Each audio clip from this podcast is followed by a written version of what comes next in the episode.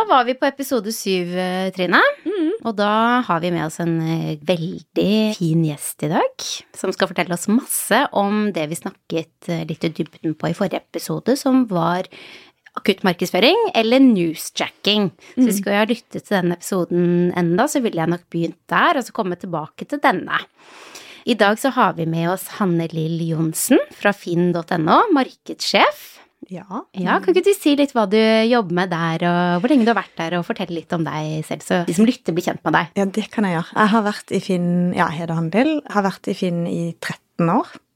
Og jobba i markedsavdelinga hele veien. Så det begynner jo å bli en eh, ganske lang affære. Gammel traver. Ja, det var gans- lenge Ja. til uh, markedsføring for det. Absolutt. Og jobber eh, ja, med alt dere ser av markedskommunikasjon fra Finn, og merkevarestrategien og hvilke liksom, budskap vi skal ha ut til enhver tid. Hvor stor er egentlig markedsavdelingen til Finn? Du, vi er mm, to team i markedsavdelinga. Et som performance-team og et um, markedskommunikasjonsteam, som er ti mennesker. Du Så kan jobber- ganske mye om dette temaet vi skal snakke om i dag, for det er vel du som er litt om motoren. Eh, ja. vi har jo ikke det, vi bruker jo ikke de begrepene som jeg hører dere bruker. Nei, vi måtte finne noen sånn- begreper. Vi Ja, er jo markedsførere, så Ikke sant? ja. Så det var jo litt sånn gøy å det. høre at det har fått et navn. Mm, Vi jobber jo med å prøve å være aktuelle, da. Mhm. Som en del av det vi gjør. veldig gøy. Mhm. Men uh, hvordan er det dere jobber uh, i Finna rundt dette uh, som vi kaller akutt markedsføring eller uh, newsjacking?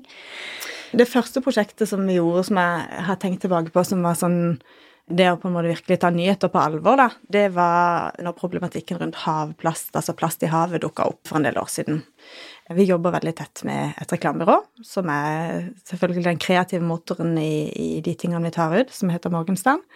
Og de mente at her ligger det et problem som på en måte er veldig stort, og som ingen egentlig har tatt tak i. Sant? Denne plasthvalen som fløyt i land, engasjerte folk, men det stoppa liksom litt opp der. Så da lurte de på kan ikke Finn være med og gjøre noe på dette. Det hang jo ikke på noen av de oppgavene vi skulle løse i vår merkevarestrategi. og hvilke... Nei, for dere har jo da en merkevarestrategi i bunn som dere jo jobber ut ifra. Finn har egentlig hatt en merkevarestrategi og en plattform og en identitet og alt på plass egentlig fra første sekund, så vi var ganske sånn tidlig ute med å ha det strategiske på plass. Og så blir, har den blitt revitalisert et par ganger, da, men ikke sånn kjempestore endringer fra, fra det kjernen i Finn var.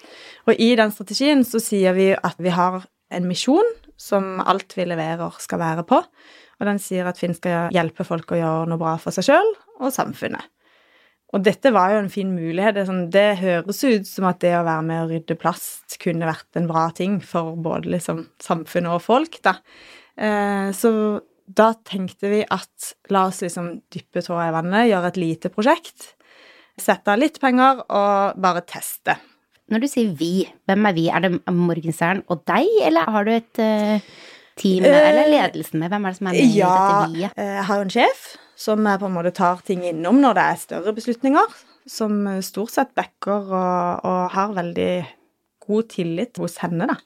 Men det er klart at det kommer et sånt prosjekt som er helt annerledes enn alt man, man driver med, så må man liksom prøve å forstå sjøl hva det kan være, og så ha en fot i bakken med henne. Og så lenge ting er skal man si, drevet fram av et eksperiment, da, at vi sier sånn la oss bare prøve.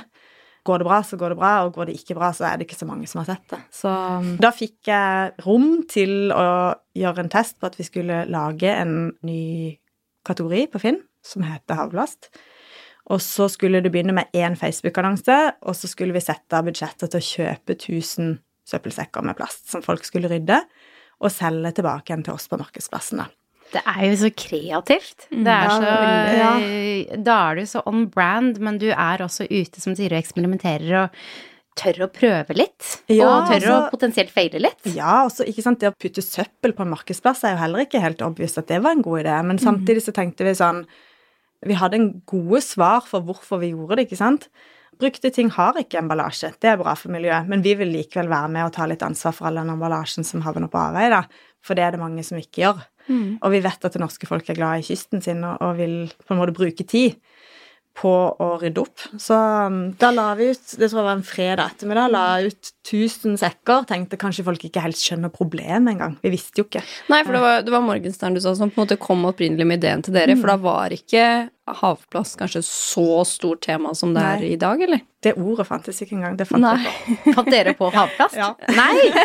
Morsomt. Det heter marin forsøpling eller plast i Jeg havet. vil si Ja. Jeg har ikke mer klingende. Ja. Ja. Nei, de har jo et eget blikk da, for å se hva som på en måte kan bli stort, og hvordan man kan skape noe engasjerende rundt det. Mm. Og så tror jeg vi vet at vi er med på leken, da, på en måte. Mm. At vi er en partner som har lyst, og det sier jeg jo veldig ofte til dem. Ja. Gi det, kast det på oss, liksom. Kommer det opp ting som ikke passer inn i en plan, så heller gi det til meg enn å sensurere det, da. Så de er veldig gode på å løfte de tingene som som er egentlig helt annerledes, og som er ting jeg mener vi bør være gode på å ta tak i, da. Har du noen sånn treffprosent på hvor mange ideer dere faktisk går for, som de kommer med? Er det to av ti, eller er det åtte av ti, eller er det Altså, en viktig grunn til at vi jobber så godt sammen, er at vi kjenner hverandre så utrolig godt. Jeg har jobba med det kreative teamet i hadde vi tiårsjubileum? Ja, har vi jobba sammen i elleve år, tror jeg. Og det vi ser tilbake på nå, er at jeg var ikke en god kjøper når vi møtte hverandre, og de var ikke gode Altså, vi, det har skjedd noe ganske sånn fantastisk da i, i den reisen med å bli så godt kjent, fordi jeg ga liksom lange, vanskelige briefer, og altfor mye var på plass, og altfor mye var definert. Så du sa Eh, egentlig hva du ville ha i brifen, på en måte? Ja, eller kanskje hadde egentlig altfor mye informasjon og altfor Ja. mye ting som egentlig er uvesentlig, da, fordi man blir så opptatt av liksom hele bildet, og så blir det kanskje bare overload av informasjon. Og så var vi veldig opptatt av at vi skulle tvinge alt inn i én form. Og det gjør, gjorde at ideene ble dårlige. Og det skjønte vi vel begge liksom på likt tidspunkt. Da Da hadde vi gjort noen ting som vi nå etterpå kan tenke Oi, det ble jo en dårlig film, fordi vi skulle prøve å levere noe som passa inn på noen regler som vi hadde satt, men som folk kanskje ikke er opptatt av. Så det har vi klart å løsrive oss fra, og da tenker jeg det at jeg kjenner de, jeg vet hvilke kvaliteter som bor i de, og jeg vet at de alltid leverer. Hele det huset er jo på en måte skrudd sammen sånn, og jeg kjenner stort sett alle folkene som jobber der. Og så vet de at vi kan ta kjappe baller, klarer å bestemme oss raskt. Det er kanskje litt av grunnen til at jeg har blitt så lenge i Finn og at jeg har ikke sånne lange forankringsrunder på alt, som veldig ofte kan drepe mye kreativitet. Man har liksom frihet til å løpe på veldig mye ting sjøl, og er det ting jeg blir veldig i tvil om, så vet jeg at jeg kan spørre og få et godt råd. Men jeg vet at jeg blir jo ikke stoppa på ting. Og det å ha rom for å vite at jeg har lov å drite meg ut da. Ja, Det det er er, liksom, så viktig. Det snakket vi om i forrige Ja. episode også. Det å lage Ja. den kulturen, den feilekulturen. Ja. Det er, at det er lov, det er så vesentlig. Men jeg må bare spole litt tilbake, for vi begynte på havplass. Dere ja. la da ut Vi har jo tusen spørsmål om dette temaet, som dere sikkert skjønner nå. Men havplass, det var 1000 sekker som ble lagt ut på en fredag. Mm. Hvordan gikk det videre? Nei, det tok fyr, da. Og det tok fyr, sånn, ja. Det tok skikkelig fyr. Og da tenker du sånn, hvorfor la vi ut dette på ei helg, liksom? Det var jo dum, dum idé. Der gikk den helgen. Der gikk den helga. Så fikk jeg rom til å øke det budsjettet. Økte det til 3000 sekker, så røyk de i løpet av lørdagen. Så var det 6000 sekker på søndagen og 8000 sekker rett etterpå. Og da skjønte vi at det fremdeles var jo sånn Da begynte vi å ha brukt ganske mye penger på dette prosjektet, for det er jo mye av de tingene Finn gjør, er heldigitale, men her er det jo en ganske sånn vesentlig rigg for å få til søppelsekker, merking, koder, ikke sant, utsendelser, eh, utbetalinger, ganske mye. Og der igjen er Morgensand fantastiske, for det, det skal aldri stoppe en idé at vi ikke liksom har de folk, Da må vi finne de folkene som kan løse det prosjektet. Da fikk vi på masse studenter og kjente som satt og pakka og jobba og sprengjobba for at dette skulle gå fort. For vi ville jo så gjerne at den plasten også ganske fort skulle komme tilbake igjen på markedsplassen. For det var jo liksom på en måte selve beviset. Det er én ting å sende ut masse plast, men hvis vi ikke lykkes med å få det tilbake igjen, så hadde vi jo bare bidratt til enda mer plast. Så derfor så var det veldig sånn Det må ligge et fint brev med, det må pakkes ordentlig, det må være ordentlige regler for hvordan du skal håndtere det, ikke sant. De skulle ha noe å knytte disse sekkene med som ikke var plast, du skulle ha hansker og rydde Altså.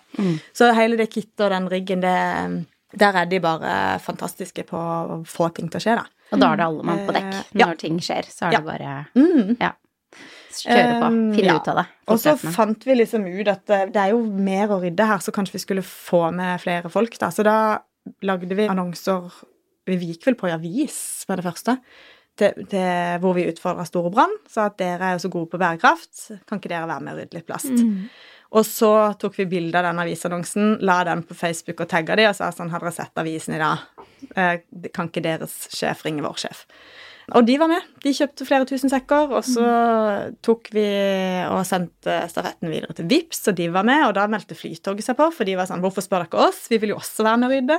Så det ble en veldig sånn gøy Ja, ikke sant, gøy at det blir, sprer seg litt, da. Og gjorde masse interne. De ansatte fikk to dager fri for å være med ut og rydde. Sommerjobb for barnas ansatte kunne legge ut og selge. ikke sant? Så vi har liksom klart å få det til å bli noe som var skaper stor intern stolthet da. Jeg tror hele kjernen i det er at man ikke bare prater, men at man gjør noe. Mm. er. Så det, ja Hvor mange det, sekker endte dere- opp til slutt, da? Ja, endte vi med? 16 000 sekker eller noe sånt. Oi. Og så gikk vi videre inn i skole. Vi så det var så utrolig engasjement blant barnefamilier. Så da tok vi kontakt med Miljøagentene, og så har vi lagd et samarbeid hvor vi i flere år har vært ute i femteklasser og gjort et havplastprosjekt. Operasjon hemmelig ja, havplast, liksom. Så vi har lagd en skjult annonse på Finn som kun er for de, hvor de får et oppdrag, og så er klassene ute og rydder, da. Så det liksom begynte Mm. som en idé som ble på en måte kastet ut, da, og så har det utsatt til noe så stort. Ja, ikke sant. Så har vi holdt på i, i mange år med det, og det som Mm. skjedde gjennom den perioden, er jo at engasjementet har jo blitt veldig stort fra veldig mange andre. Det fins Handelens miljøfond, det fins enorme mengder organisasjoner som rydder og liksom Så da er det sånn Vi var med å kanskje sette fokus på det, holde Norge rent og sånn, og være litt sånn det engasjementet som vi klarte å få til i starten der, det syns de jo var fantastisk. Og så syns de var det på mange måter vanskelig at vi skulle gå inn og ta en plass som de kanskje ønska seg, men, eh, men det landa på en måte bra, da. Og det er kanskje det at det folkelige engasjementet, det er Finn ganske flinke på. Dere har jo flere litt mer akutte eksempler som dere jobber med etter i dag, i forbindelse med Ukraina-krigen, har jeg skjønt. Og så var det jo Gjerdrum også, som var ganske imponerende hvordan dere løste det. Kan ikke du fortelle litt om de to casene? Ja, altså det kommer jo av at når Jeg tror det bor veldig i organisasjonen Finn en vilje til å ville hjelpe. Altså det bor jo i misjonen vår at eh, det skal vi på en måte gjøre. Så når raset i Gjerdrum skjedde, så var det sånn Hva kan vi gjøre? Folk har ikke sted å bo, de har ikke klær, de har ingenting. Og det kjennes ut som at selvfølgelig må finne hjelpe til med det. Så da blir det bygd på en måte annonsekategorier, både for de som ville hjelpe og hadde ting ledig, hadde bosted ledig og sånn, og de som trengte hjelp. Og det var jo egentlig kommunen som tok kontakt med Finn og spurte kan dere bidra, Eh, og det ble løst da i løpet av lørdag og søndag. Av kun frivillighet, på en måte, at folk bare har så lyst til å få det til. Ja, for da var jo på en måte flere avdelinger involvert også, for det blir jo altså web og plattformen og alt. Det er jo ikke bare markedsavdelingen da. Nei, absolutt ikke. Og det, er en, det bor utrolig mye fint i, i både produkt- og teknologifolkene til Finn. En veldig vilje til å stå på når de ser at de kan utgjøre en forskjell. Så det var veldig kult der. At det kom så raskt opp. Jeg tror det var liksom litt av grunnen til at vi følte at vi, ok, vi kan klare å snu oss kjapt. Vi får det til.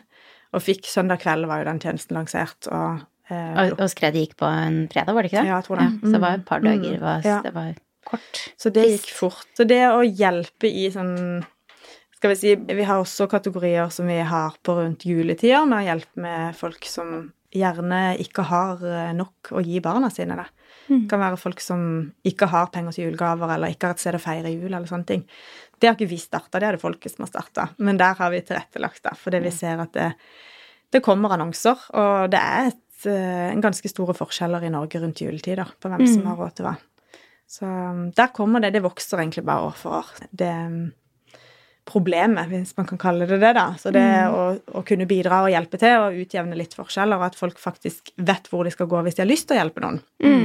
Så dere er ser, følger både med på egentlig nyhetsbildet, men også på hva som skjer i deres egen portal og egen verden. Hva er det folket driver fram?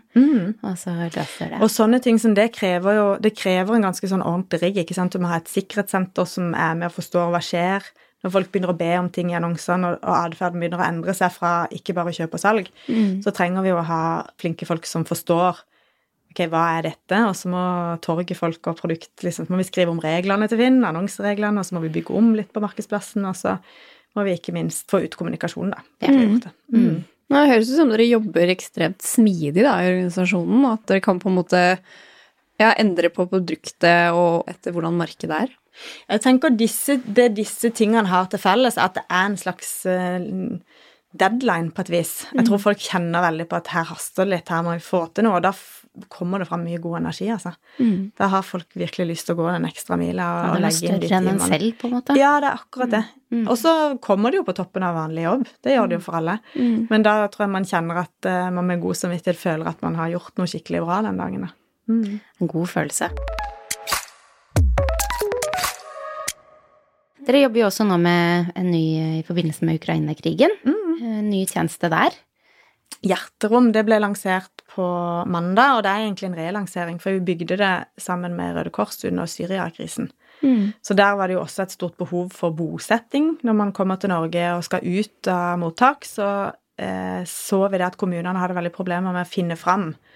Ringte og ringte, ikke sant. Og det var folk som var skeptiske til, ikke ville ha kommunen som leietaker ikke visste hvem som skulle bo der, så tenkte vi hvis vi bygger om på tjenesten sånn at man heller kan si ja, så gjør vi det lettere for alle parter. på en mm. måte.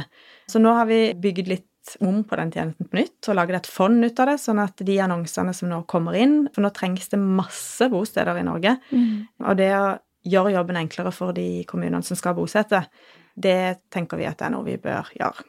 Så den tjenesten er lansert. Og så har vi også lagt ut en del annonser eller hvor vi hjelper organisasjoner til å få ut hvilke behov som trengs i forhold til um, klær og utstyr, da. Mm. Ja, for det så dere vel mm. også litt i Gjertrøm, mm. at man fikk mm. rett og slett litt for mye og litt feil ting etter hvert òg. Ja. Så det er jo også en mm. styringsform der man kan hjelpe samfunnet å ja, bidra på en fornuftig måte. Og det har vi brukt måte. veldig mye tid på nå. På Gjerdrum så måtte det gå fort, ikke sant, og det var mm. veldig begrensa lokasjon, og det var liksom Det var et litt tydeligere prosjekt, da, men sånn som med flyktningkrisen nå, så har vi jo måttet forstå alle parter og skjønne hva som faktisk er behov.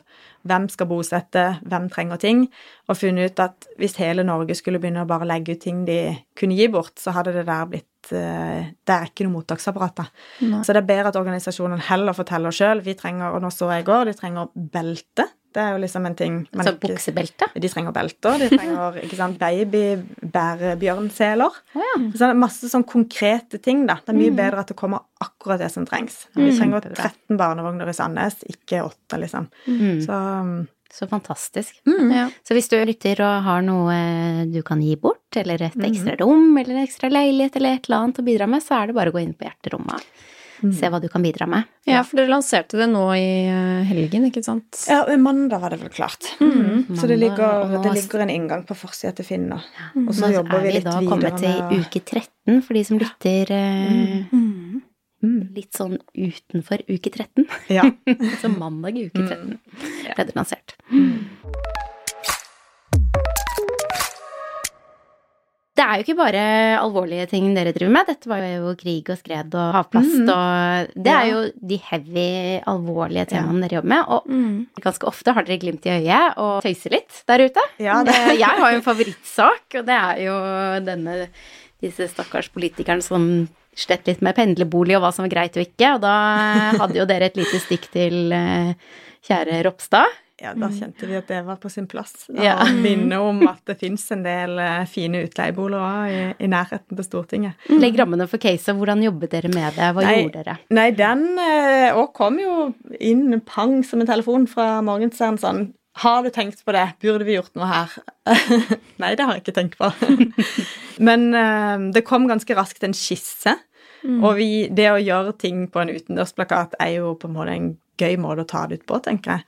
Um, så der måtte vi jo først finne ut hvor raskt går det an å få det opp og få det ut. Uh, Fins det en tilgjengelig plass som vi kan få liksom hijacka nå, hvis vi skal gjøre dette, så må det gå litt fort. Mm. Og så jobber vi gjennom den formiddagen, tror jeg, med den skissa med akkurat hva avsenderen skal være, akkurat hvilken del av finnen er det vi skal løfte på, og hvordan er det vi kan gjøre dette sånn at det blir både tydelig og gøy, uten at det skal liksom bli skal man si Man vil jo ikke liksom at folk skal kjenne seg sånn ordentlig uthengt, men det må jo være liksom likevel være tydelig nok til at folk skjønner hva det er. Ja, det er liksom en fin balanse der. Ja, mm, veldig fin balanse. Og det sparke oppover, som vi snakket om i forrige episode, som er litt viktig. Mm. Ja, ikke sant. Mm. Dette var vel sånn dag to av at det var kommet fram i lys, at det var ulma, at det var noe der, da. Så vi ante jo ikke hvor stort det skulle bli, eller noen ting. Vi tenkte sånn er du minister, så må du nesten tåle det.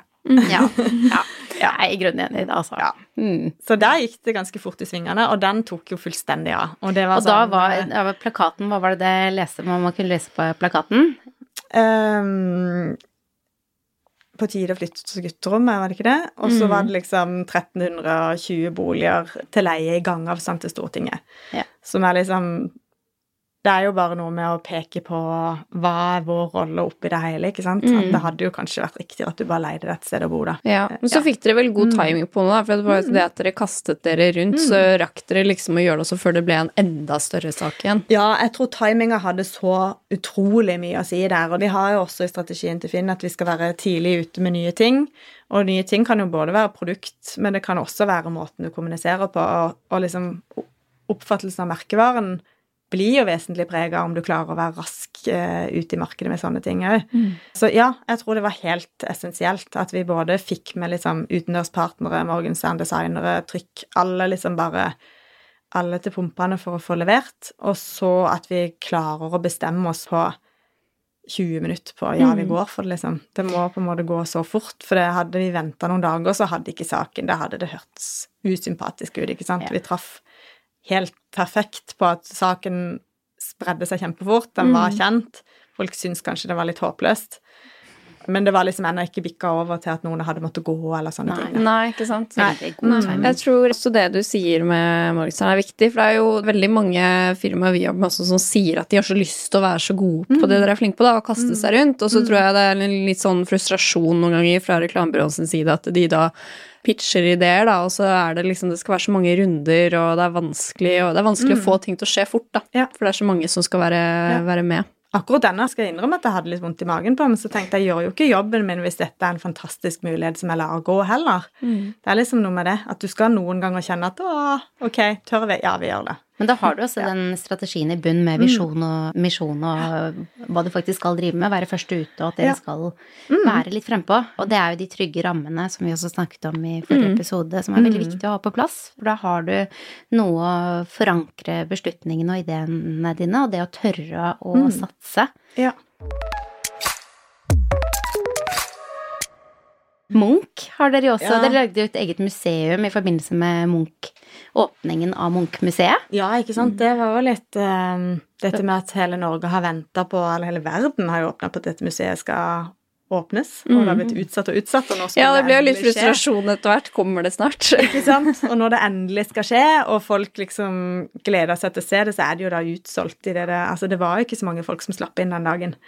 Så det var jo en sånn, hva skal man si tidsaktuell greie, men på en litt annen måte. Mer sånn her er det et problem, kan vi klare å løse, kan vi, være, kan vi hjelpe til på et vis òg, da? Så da fikk vi jo et forslag om hva om Finn hadde laget liksom Folkets Munch-museum i samme område, i samme periode. Det kommer til å være masse folk der nede.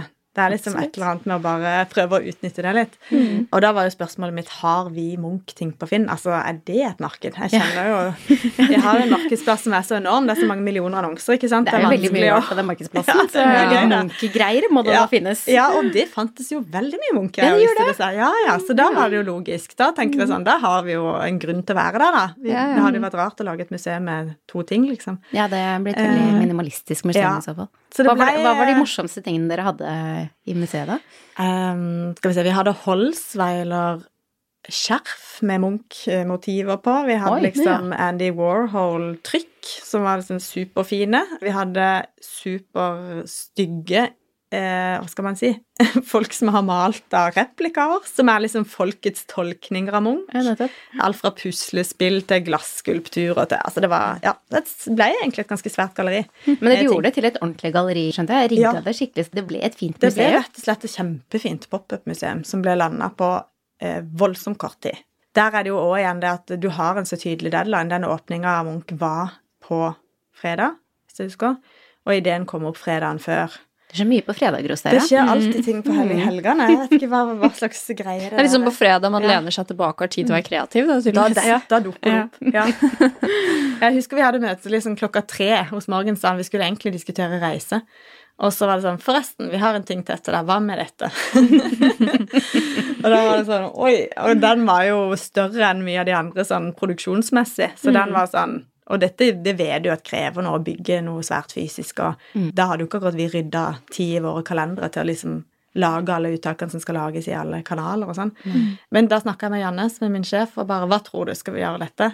Og hun er jo bare 'Dette er gøy. Dette gjør vi'. Kjempegøy. Vi snakket litt om budsjetter også, hvor mye koster denne måten å jobbe på. Det blir jo litt som å si hvor langt er et tau. Det er jo ikke to streker under det svaret. Men her tenker jeg vi har to eksempler på det kan være ganske svært og dyrt. Jeg vil tro at Munch-museet kostet en, noen kroner. Og så har du denne plakaten utenfor Stortinget som kanskje ikke var like Nei, ikke sant? mm, Mm. dyr. Så du har masse forskjellige måter å gjøre det her på også. Ja, jeg tenker det at det er liksom Det er jo den gode ideen og kreativiteten som på en måte er kjernen i det. da. Det at folk faktisk legger merke til det. Og jeg tenker sånn som den Ropstad-plakaten. Det er få ting som folk kommer til å huske så lenge og har lagt så mye merke til som den. Og der mista vi jo kontrollen fordi folk begynte å ta bilder utendørs og dele, ikke sant? Og det ble masse medieskriverier som igjen ble delt. Og det dukker fremdeles opp ting vi ikke har fått med oss i den sfæren, så den mista vi rett og slett bare full kontroll på, da. mm. På delinga. Da skjønner du at du har nådd ut, da. Ja. Det, altså, det kan være stort, og det kan være smått. Jeg tror hele kjernen er at det må være noen folk virkelig legger merke til. Ja, som har et tydelig budskap som er forankret i, i denne strategien og plattformen, kommunikasjonsplattformen deres. Men du snakket om at um, altså misjonen deres er på en måte tydelig at dere skal hjelpe folk å gjøre noe bra for seg selv og for samfunnet. Så når, dere, når dere har på en måte funnet en idé, så er det ikke noe problem å få hele bedriften til å kaste seg rundt og bli med. Men kommer det ideer noen ganger internt også, eller er det mye som kommer fra byrået? Um, ja, altså sånn, de, de hjertegode sakene, de kommer jo gjerne fra internt. Det med å bygge og omfinne og, og fikse ting og hjelpe til, de kommer fra våre folk. Og så kommer kanskje de litt mer stuntete, som du sa, liksom enda mer sånn humor-tvisten på ting. Det har ofte kommet fra, fra Morgenstern. Så det er jo Man leverer jo liksom på litt ulike punkter, tenker jeg. Noe skal være seriøst og ordentlig og nyttig, og noe kan være bare gøy. Og så går dere jo liksom litt ut av, for dere har jo som du sier et digitalt produkt, men så viser det at vi kan også gjøre på en måte fysiske ting, da. Mm. Bygde jo en butikk òg det ene året, som en sånn markedsføringsstunt. Det var sånn Ok, nå har vi vært digitale i 15 år, skal vi bare bygge en fysisk butikk, da? Skal vi bare liksom tatt det digitale inn igjen? Så det er òg litt sånn derre En bruktbutikk, Ja. altså hvor folk kunne kjempesvær butikk som levde i ett år, da, hvor vi Ah, tok ja. fram alle tingene til Finn. og- Så det, det går jo an å snu opp ned på ting og ikke forholde seg så mye til de reglene og grensene som er. Og dette museet var jo egentlig en videreførelse av det. Og det er jo litt sånn grunnen til at jeg tør å si ja. Jeg tror vi klarer å bygge dette på ei uke. Vi hadde jo ikke et lokale, vi hadde jo ikke en eneste ting. Vi hadde ikke folk som skulle jobbe der, ikke vakter, vi hadde jo ikke gjort noe marked... Altså, vi hadde ingenting. Men det er fordi når jeg vet at vi har bygd den butikken og fått det så tenker jeg ok, de kan jobben sin. Jeg vet at de kommer til å levere. Og så må min jobb være å rydde så mye at jeg har tid til å være kjapp på all feedback som må tas, ikke sant? Mm. Så man må jo bare være beredt på å stokke litt om på ting, da, når sånne ting skjer. Så den tilliten i bunnen er egentlig helt essensiell i denne Ja. type arbeidsform. For um, folk som kanskje vil i gang med det her, har du noen eh, råd hvis vi skal oppsummere litt samtalen vår? Ja, altså Vi sier jo at vi skal gjøre nye eksperimentelle ting. Både på liksom kanalvalg og måten vi kommer Altså vi skal tørre å teste nye ting, og at 10 av budsjettet vårt skal gå til det. Og så har vi prøvd Så dere har satt av en konkret del? Ja, og det, det var det jeg skulle til å si. Ja. Det var vi veldig sånn, det er 10% og så begynte vi å tallfeste det, så lagde vi en pott, og så ligger det som en sånn stor, skummel boks i budsjettet, hvor man blir veldig stressa og ser på dette store tallet, og hva skal vi gjøre med det, egentlig? så det er kanskje mitt råd. Ikke vær så opptatt av å sette et tall på det og bli sånn, men heller prøve å ha den dialogen med, med mediebyrå, med reklamebyrå, og liksom vi er åpne for det, og vi ønsker dette. Og ser dere ting Og det kan jo være Altså, det er ulike team på Morgensternhuset som leverer ting av disse ideene. Og det tror jeg jo at de tør det, da. Selv om det er folk jeg ikke kjenner som ikke har jobba med meg som kunde, så tør de å hive på meg en idé. Det å vite at jeg vil heller ha en idé som er elendig, og si nei til den, enn å ikke ha en god idé, på en måte. Så må man jo ta seg tid til å, å se på alt som kommer, da. Mm. Så det må man jo gjøre ordentlige vurderinger. Og vi har jo hatt diskusjoner hvor jeg har ment at ting ikke henger på kampanje og ikke er tydelig nok, og de brenner veldig for å få gjennomført det. Og vi kunne gå runder hvor sånn Ok, nå sitter det, da. Mm. Det er ikke alltid at vi kjøper ting, men det er heller ikke alltid at de gir seg. Og det tror jeg er bra. Mm. At de tør å utfordre, tør å si ifra, tør å melde ting de syns er dårlig hos oss. Og Mm. Jeg vil jo helst ikke at vi skal kalle oss kundebyrå i det hele tatt. Nei. Jeg har ikke lyst til å være kunde, hvis du skjønner. Jeg har lyst til at Vi skal, vi er jo en del av Finn-familien. Ja. En kjempeviktig del. Ja, men det blir man jo Ja. når du har jobbet Ja. sammen i elleve år, som du Mm. sier. Så blir man jo et stort team Mm. til slutt. Ja. Og så har det kommet masse nye folk på det huset som eh, jeg ikke kjenner like godt, men man har likevel klart å få til litt av den samme, liksom, samme dynamikken, da. Mm. Så det tror jeg jo er, er viktig. Og så er det viktig erkjennelse for en markedssjef at uh, jeg er ikke det kreative hodet. Det er ikke, jeg, det er ikke Mm. mest en side Ja, jeg har noe kreativ kompetanse, og jeg kan være god på å ta valg og sånne ting, men jeg sitter jo ikke i byrå og jobber med dette sjøl. Da burde jeg jo bytte jobb, da, hvis jeg mente at jeg var bedre enn de på det. Mm. Ja. Så man må finne folk som man tenker at leverer godt, og så heller bruke tid på å bli godt kjent og, og bygge ting stein på stein. Mm. Mm. Gode råd. Oppsummert så tenker jeg tillit, godt samarbeid eh, og tørre. Da Mhm. er du godt i gang. Kanskje da får litt man det gøy på jobb. Ja, man får det gøy. Ja, Kanskje ha litt penger også å kunne rutte med. Ja, det er viktig. Ja, men det er Det er egentlig litt sånn ålreit greie. Dette er jo blant de billigste tingene vi gjør på budsjettet. En stor filmprosjekt er jo Mm. kjempemye dyrere. Så det, de ideene som ofte blir stående som noe folk husker og er kreative, sånn som mange av disse stuntsene, det er jo ikke det at de vipper noe lass, men de passer ikke inn i en plan. Så det må man passe på å gi de rom til Mm. å, å kunne være med i en plan, da. Ja. Ja, og så passe på at du har den lille forankringen også til merkevareplattformen, så ikke det blir helt uh, off. Ja. Mm. Mm. Så må man ta sånne kjappe sjekker innom en advokat hvis du føler du er på tynn is. Det er noen sånne ting som vi har gjort i bakkant, men, Ja. men det må gå fort, da. Man Ja. må ikke sitte og, ta, kalle inn til møter i neste uke. Du må ta opp telefonen og bare få det til å skje med en gang. Mm. Tusen takk for at du kom og pratet eh, med oss om hvordan dere jobber med markedsføring. Jeg ble kjempeinspirert og har fått konkrete takeaways som jeg kan ta med meg når jeg skal jobbe videre med kundene mine. Mm. Jeg håper at eh, dere lyttere der ute også har fått litt inspirasjon til å jobbe enda bedre med markedsføring og reklame. Mm. Kanskje vi klarer å være litt mindre irriterende framover. Kanskje, kanskje man da får den beredskapsplanen som vi snakket om forrige gang. Det kan også godt hende. Mm. Tusen takk for i dag. Takk for praten. Tusen takk. Ha det bra. Ha det.